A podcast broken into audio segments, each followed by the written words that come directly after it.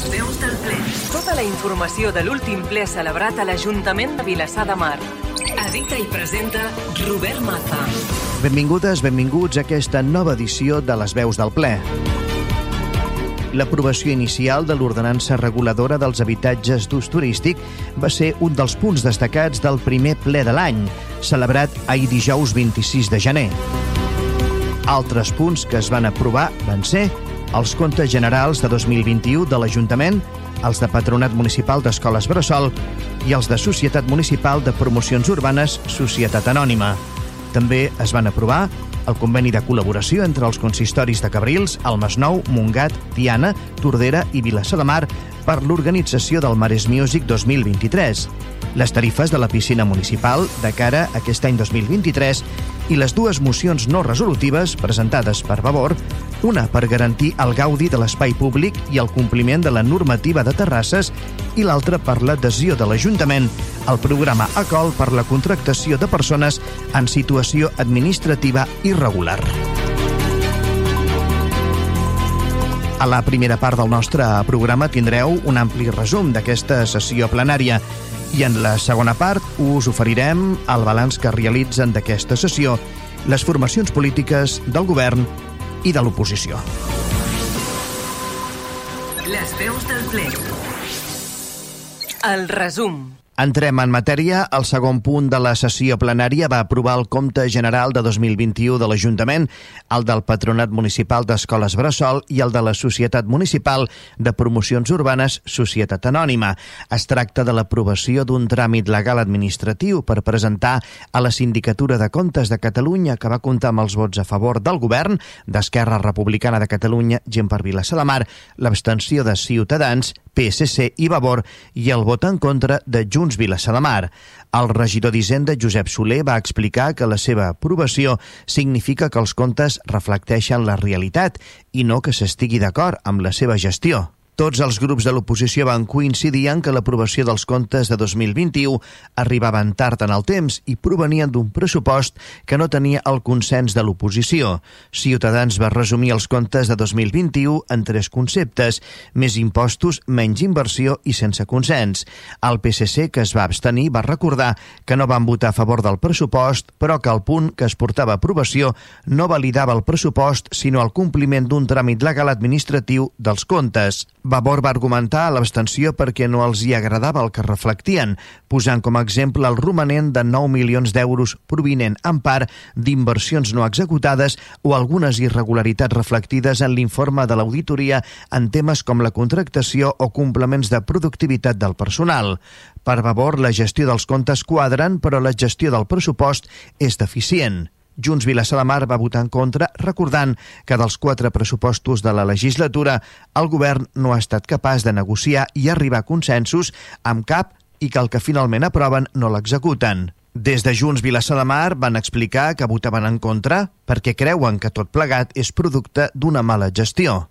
El regidor d'Hisenda va assenyalar que votar en contra era una irresponsabilitat, recordant que havien tingut un mes de temps per fer-ne al·legacions i no n'havien presentat cap. Josep Soler va afirmar això sí és deixadesa. Pel que fa als comptes de l'Ajuntament de 2021, en tancar l'exercici hi ha un actiu de 53.378.046 euros, un passiu de 21.160.728 euros i un resultat de l'exercici de 2.440.844 euros.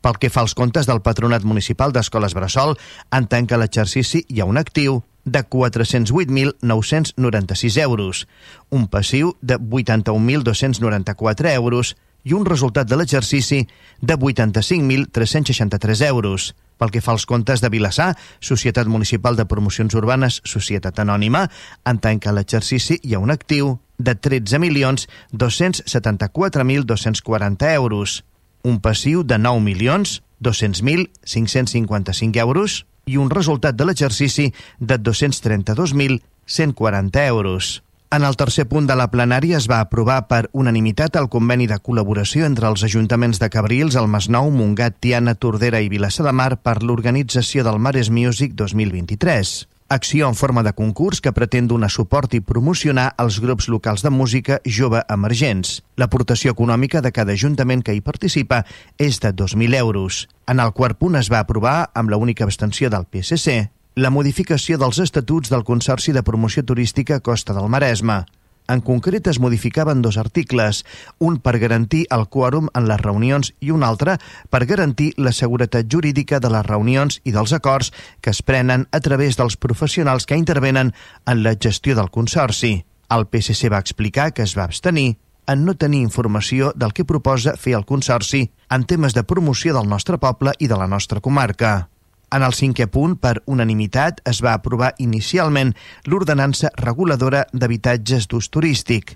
La regidora d'Habitatge, Núria Arassa, va marcar l'ordenança en la tramitació fa uns mesos del Pla Especial Urbanístic dels habitatges d'usos turístics. La finalitat de l'ordenança, va explicar Arassa, és regular les obligacions dels propietaris d'aquests habitatges tant pel que fa a la formalització de la comunicació d'inici de l'activitat com pel que fa al compliment de les obligacions que aquestes persones han d'assumir als efectes de prestar un servei de qualitat. Entre les obligacions dels propietaris, Arassa va destacar tres – la primera, que hi hagi un rètol exterior a la façana de l'habitatge amb la informació bàsica, en la qual hi constarà un telèfon operatiu les 24 hores, el número de persones que poden ser dins de l'habitatge i la referència de la llicència. La segona, que s'haurà de disposar d'una pòlissa de responsabilitat civil.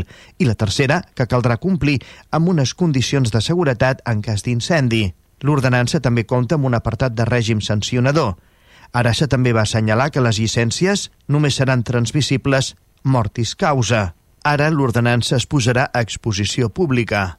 Un cop aprovada definitivament, les persones que ja comptin amb llicència prèvia d'habitatge d'ús turístic tindran sis mesos per adaptar-se a les noves obligacions. Tots els grups a l'oposició van felicitar-se per la bona feina de la comissió d'estudi creada a la taula d'habitatge, per la redacció de l'ordenança en la qual han participat tots els grups municipals i van assenyalar que cal posar les eines per garantir l'aplicació i efectivitat de l'ordenança. En el sisè punt es va aprovar amb els vots a favor d'Esquerra Republicana de Catalunya, gent per Vilassar de Mar, l'abstenció de Junts, Vilassar de Mar i PSC i els vots en contra de Vavor i Ciutadans, la proposta d'aprovació de les tarifes de la piscina municipal per l'any 2023, tarifes que tenen un increment del 2,64% en relació amb les vigents fins ara. Aquesta és la solució adoptada pel govern per no aplicar als usuaris els conceptes d'increment de despeses derivats dels consums de llum i gas en la fórmula polinòmica proposada per GAFE, l'empresa concessionària. El concessionari demanava que s'apliqués un increment del 24,58% a les tarifes per tal de restablir el desequilibri econòmic a la concessionària per aquest increment dels preus de la llum i el gas es proposa una subvenció específica per un import màxim de 100.750 euros. Des de Ciutadans, Juan Díaz va afirmar que es tracta d'una situació incòmoda. Juan Díaz va afirmar alguna cosa no estem fent bé perquè GAF ens toregi d'aquesta manera un any sí i un altre també. Des del PSC van argumentar l'abstenció, van dir, per responsabilitat.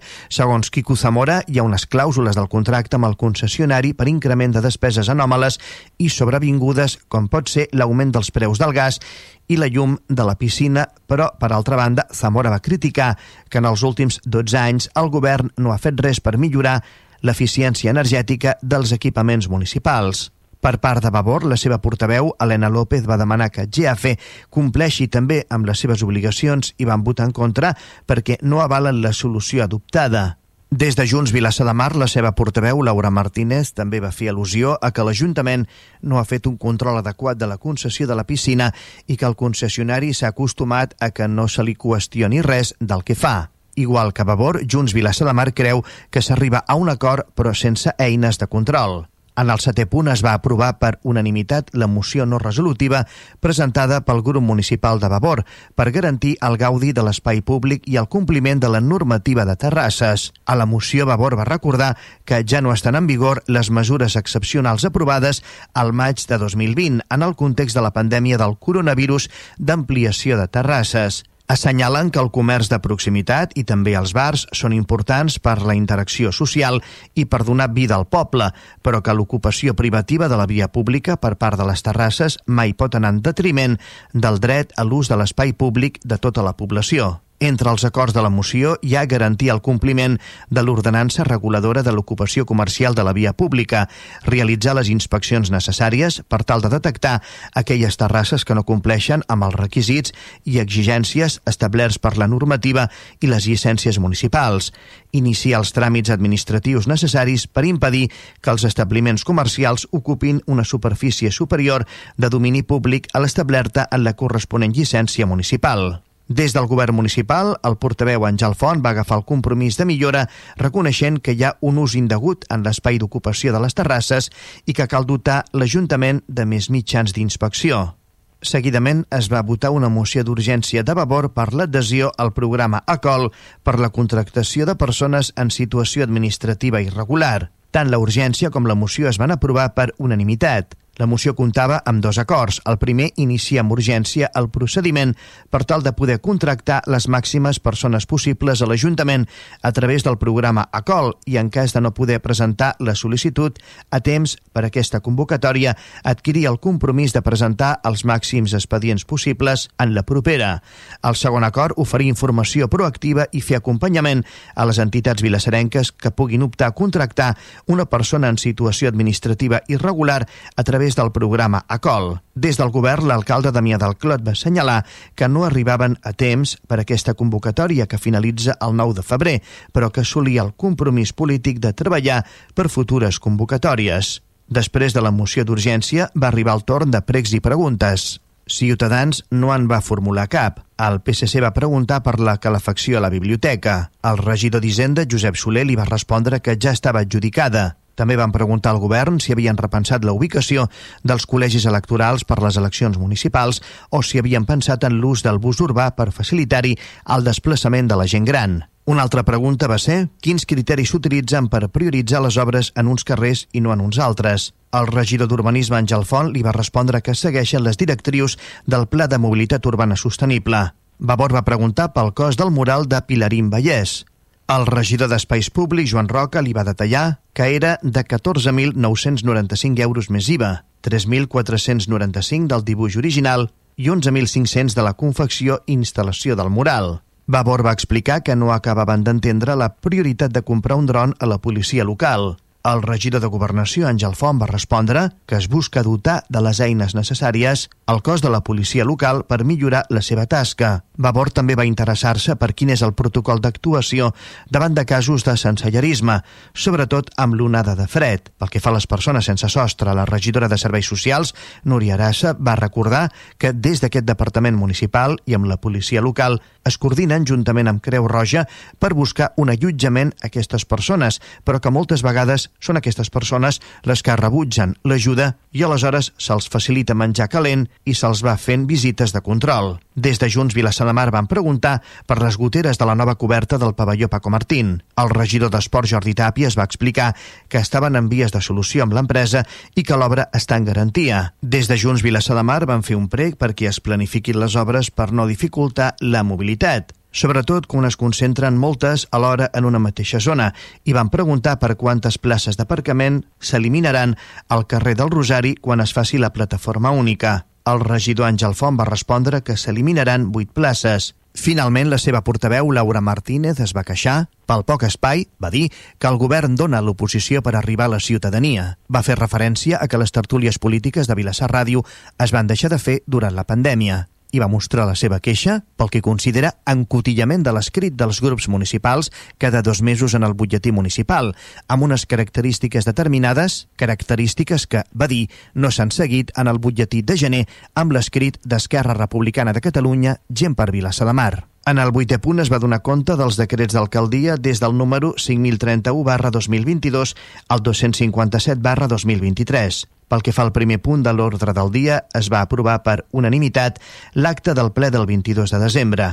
El ple va finalitzar amb el torn de paraula per les persones del públic assistent. Un ciutadà es va queixar dels sorolls que provoca la recollida de residus en horari nocturn.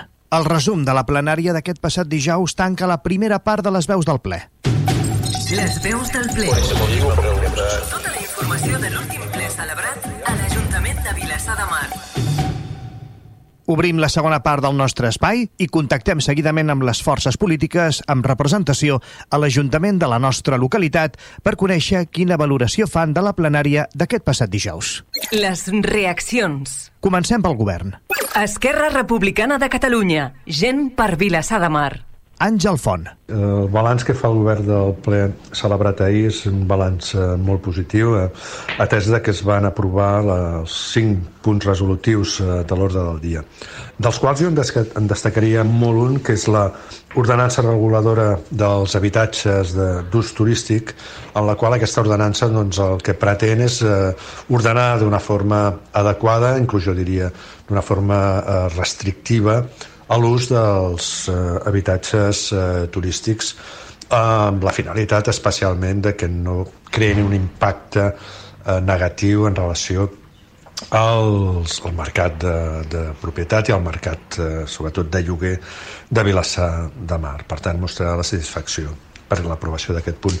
I en segon lloc també destacaria una pregunta que va formular un regidor, la regidora, una regidora del grup de Junts per Catalunya en relació a l'assetjament que estan patint els veïns del carrer Sant Sebastià, Rosari, carrer Aduana, eh, tots els entorns d'aquests carrers per les obres que s'estan realitzant. Bé, aquí no és cap setge a cap veí, simplement s'estan fent les obres eh, del carrer Sant Sebastià i posteriorment d'aquí pocs dies s'iniciaran les obres del carrer Rosari entre Aduana i Mont, i eh, lògicament aquestes obres creen certes molèsties tant als veïns propis dels carrers com a l'entorn en, la, en la seva mobilitat, però són obres necessàries, es fan plataformes úniques i per tant és important doncs, que puguem fer eh, aquestes, aquestes obres amb uns terminis el més ràpid possible. Per tant es concentren i es fan trams seguits d'aquestes obres.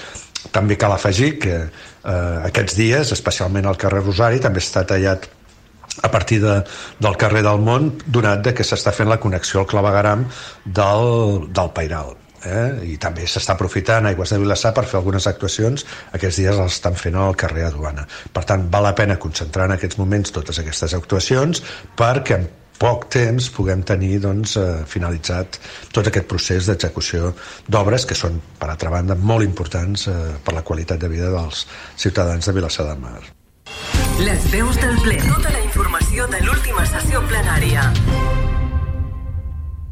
Seguidament el balanç de la plenària de les forces polítiques de l'oposició. Junts, Vilassar de Mar. Javi Martín. En relació a la sessió plenària d'ahir, destacar dos temes, principalment una l'aprovació del compte general, tot i la nostra negativa, com hem vingut fent en els darrers anys, donat que ha estat un govern incapaç de, de gestionar amb els grups de l'oposició a l'aprovació de cap pressupost, és a dir, amb aquesta legislatura haurem tingut dos pressupostos prorrogats i dos pressupostos aprovats per moció de confiança i a més amb, amb pressupostos amb uns romanents de tresoreria de 8-9 milions d'euros, és a dir, que el que pressuposten ells mateixos no són capaços de, de gastar-ho.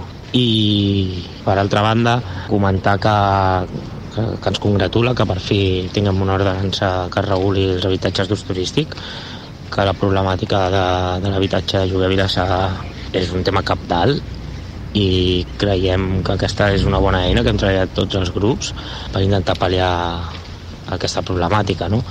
Uh, amb això, tot i que en el seu moment ja vàrem dir que el pla especial d'habitatge turístic tenia les seves coses que no ens acabaven de fer el pes, creiem que ara s'ha dotat de l'eina correcta i amb, el, amb les restriccions que pertoquen. Vavor. Helena López. Del ple d'ahir, des de Vavor, volem destacar en primer lloc, l'aprovació de l'ordenança reguladora dels habitatges d'ús turístics. És una regulació llargament reclamada per Vavor des que el 2018 vam aconseguir que s'aprovés la primera moratòria en la concessió de llicències.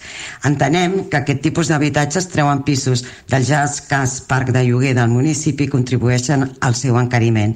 Tot i que és una normativa de mínims, des de Vavor estem molt contentes de la seva aprovació i de la feina feta a la taula d'habitatge.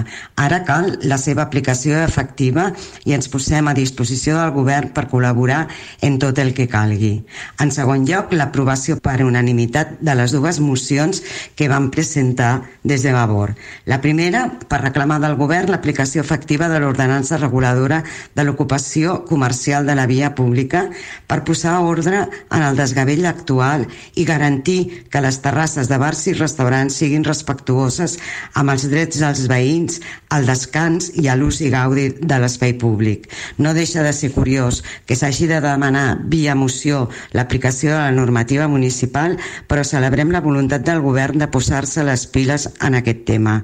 La segona, per demanar al govern l'adhesió de l'Ajuntament al programa Acol Treball i Formació impulsat pel Servei d'Ocupació de Catalunya per la contractació de persones migrades en situació administrativa irregular que compleixin els requisits per obtenir una autorització de residència temporal i contribuir així a la seva inserció sociolaboral.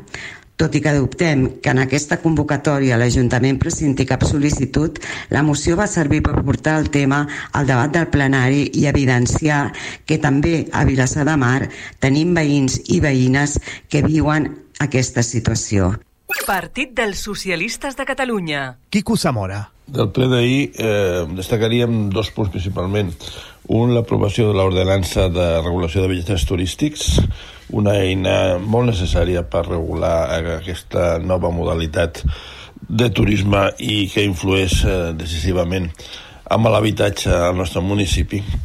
Eh, una eina que teníem que tenir fa ja 3 o 4 anys, però per fi s'ha aconseguit amb el treball de la nova tècnica d'habitatge i la taula que ha treballat amb aquest, amb aquest temps. Com deia, és una eina necessària per un tema molt sensible al poble, per la manca d'habitatge públic disponible, una eina naturalment necessària però de cap manera suficient per atendre aquesta necessitat. Per altra part, eh, entregaríem l'aprovació de la revisió de la tarifa de la piscina municipal, que més enllà que és un fet que es produeix cada any més o menys, aquest any és degut a l'increment de costos de l'energia, del gas i de la llum. I posa de manifest la manca de planificació i la manca d'inversió d'aquest govern a l'última dècada amb els temes tan sensibles com les energies renovables i eh, a les nostres instal·lacions públiques, sobretot els nostres equipaments. La majoria de municipis del nostre entorn ha fet la feina, ha aprofitat els fons europeus i el programa PAES per eh, fer instal·lacions de carreres de biomassa o, o plaques eh, fotovoltaiques a les seves instal·lacions i reduir la dependència i el cost de, de l'energia. A Vilassar de Mar, el nostre govern això li ve de nou, no li interessa i no han fet cap eh, inversió ni cap planificació per dotar-nos d'aquestes energies renovables que permetin la reducció del cost de les energies. I així ens, ens va. Ciutadans, Partido de la Ciudadanía. Juan Díaz. Con relación al pleno de ayer, eh, quisiéramos destacar dos aspectos o, o, dos temas. Uno es que se presentaron a aprobación, mmm, aprobación contable, digamos, no es un acto administrativo, las cuentas del 2021. Nosotros no pudimos apoyar esa aprobación eh, ya no porque hubiera defectos de forma o fueran incorrectas desde el punto de vista contable, sino porque responden a una manera de gobernar que, que ha sido completamente inútil para Vilasar de Mar.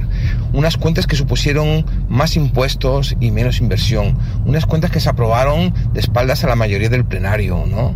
Y unas cuentas además que, eh, que sufrieron de eh, las facturas reiteradas de Urbaser sin contrato que las soportara, que supusieron eh, para Vilasar eh, otra decepción más en cuanto a la calidad del gobierno y a, la, y a los objetivos que habían de cumplir esas cuentas en, temas como de limpieza urbana, de medio ambiente, de calidad de vida, ¿no? Entonces no pudimos aprobar esas cuentas mm, y, y, así se lo hicimos saber al gobierno. Por último también quiero destacar eh, eh, otro voto que no pudimos, otra, otra propuesta que no pudimos apoyar, que fue la de la, la, elevación de las tarifas de la piscina municipal. Esta elevación eh, lleva escondido una subvención al concesionario de más de 100.000 euros, en principio debido a la subida de la electricidad o la subida del gas que tuvo durante el año 2022.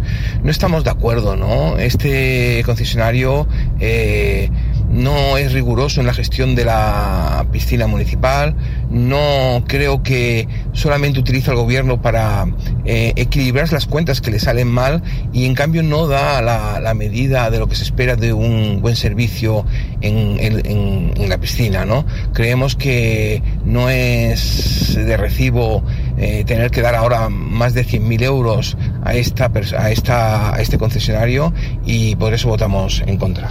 Les veus del ple. Tota la informació de l'última sessió plenària. Hem arribat a la fi d'aquesta nova edició de les veus del ple, l'espai dels serveis informatius de Vilassar Ràdio que us acompanya periòdicament amb tota la informació de les sessions plenàries que se celebren a l'Ajuntament de Vilassar de Mar. Un espai en el que us oferim el resum d'aquestes sessions i recollim la valoració que en realitzen les forces polítiques de govern i oposició.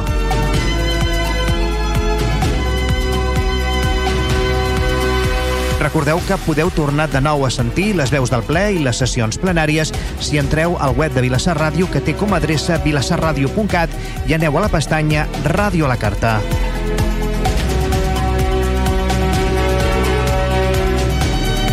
En la producció, realització tècnica i locució, aquest qui us parla, Robert Maza.